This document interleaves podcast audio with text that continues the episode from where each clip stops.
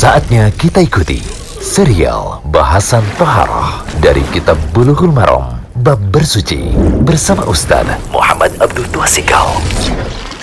Alhamdulillah, wassalatu wassalamu ala rasulillah wa wa sahbihi wasallam. Para pendengar sekalian, kali ini di audio ke-63 dari kitab Bulughul Maram, kitab Toharoh tentang mandi dan hukum seputar junub.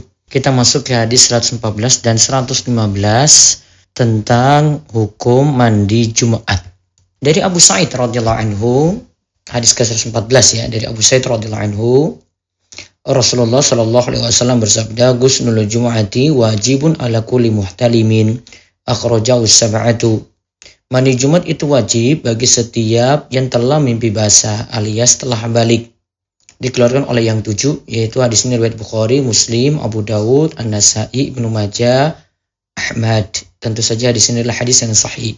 Terus hadis ke-115 dari Samurah radhiyallahu anhu ia berkata Rasulullah sallallahu alaihi wasallam bersabda, "Man tawadda'a yawmal jum'ati fa biha wa ni'mat wa man iktasala fal ghuslu afdalu rawahul khamsatu wa hasanahu Tirmidzi."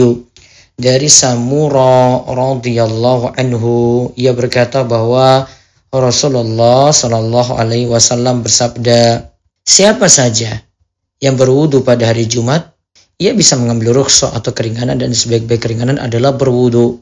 Ya, ia bisa mengambil rukhsah atau keringanan dan sebaik-baik keringanan adalah berwudu. Siapa yang memilih untuk mandi, maka mandi itu lebih afdol. Siapa yang memilih untuk mandi, yaitu mandi Jumat, maka mandi itu lebih afdol. Di sini keluar oleh yang lima dan dihasilkan oleh Tirmidzi. Yang jelas di sini diriwayatkan oleh Abu Dawud, Tirmidzi, An-Nasai, Ahmad. Sedangkan hadis dari Ibnu Majah adalah dari riwayat Anas, bukan dari Samura. Jadi penyebutan tadi dilakukan oleh yang lima kurang tepat ya kata Syekh Abdul Fauzan. Yang tepat itu adalah riwayat Abu Daud, Tirmidzi, An-Nasai dan Ahmad saja.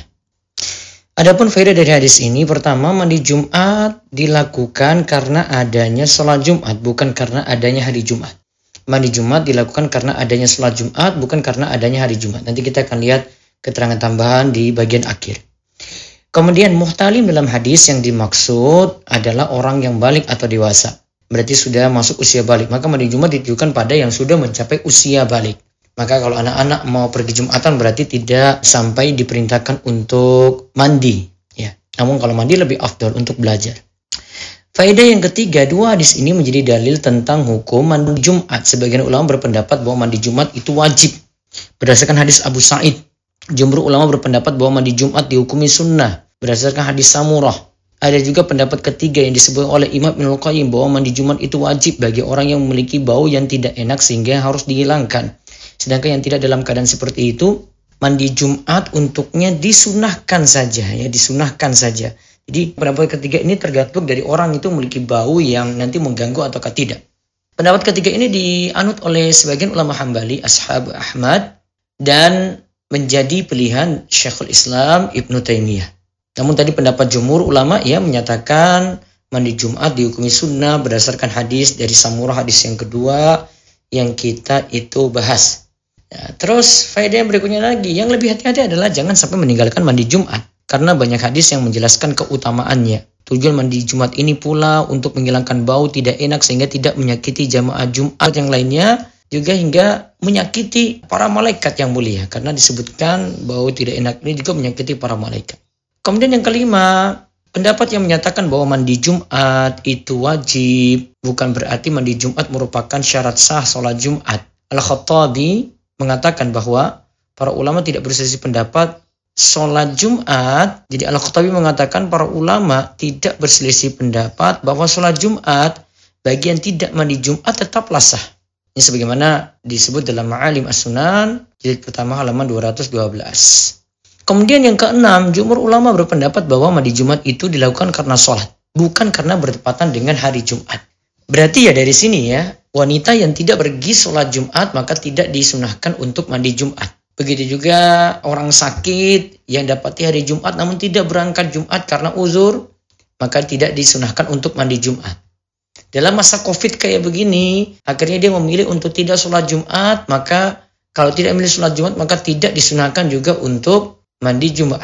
Terus yang ketujuh, lebih baik mandi Jumat dilakukan dekat dengan waktu berangkat sholat. Nah, di sini kami tambahkan keterangan dari Imam Nawawi tentang mandi Jumat ini. Imam Nawawi rahimahullah menjelaskan jika seseorang mandi Jumat sebelum terbit fajar, sebelum masuk waktu subuh, maka mandi Jumatnya tidak sah. Menurut pendapat terkuat dari ulama Syafi'iyah. Sebelum terbit fajar subuh ya. Pendapat seperti ini pula dikatakan oleh mayoritas ulama, namun Al-Auza'i menganggapnya sah. Imam Nawawi mengatakan, jika seorang mandi setelah terbit fajar, berarti sudah masuk subuh ya. Jadi jika telah masuk subuh, maka mandi Jumatnya sah menurut ulama Syafi'iyah dan mayoritas ulama. Mu berarti kalau malam itu junub, kemudian laki-laki ini ingin jalani ibadah Jumat juga hari itu, maka dia bisa sekaligus mandi untuk junubnya dan mandi Jumatnya pas masuk waktu subuh. Nah, Imam Nawawi katakan gini, demikian dinyatakan oleh Ibnu Munzir yang tadi ya, jika sudah masuk terbit fajar subuh, ya baru kemudian mandi Jumat itu sah. Demikian dinyatakan oleh Ibnu Munzir, Hasan al-Basri, Mujahid, An-Nakhai, Al-Sauri, Ahmad Ishaq Abu Thawr. Sedangkan Imam Malik berpendapat bahwa mandi Jumat tidak sah kecuali dilakukan ketika hendak berangkat sholat Jumat. Ya seperti tadi kita sebut ya. Tapi kalau Imam Malik katakan lebih dekat ke sholat Jumat baru kita mandi gitu. Namun ya kalau pendapat tadi disebut ulama Syafi'iyah dari terbit fajar subuh sudah boleh. Namun para ulama tadi menyatakan bahwa mandi Jumat sebelum terbit fajar tidaklah sah dan menyatakan sah hanyalah Al-Auza'i. Al-Auza'i menyatakan bahwa boleh mandi sebelum fajar bagi yang ingin mandi junub dan mandi Jumat.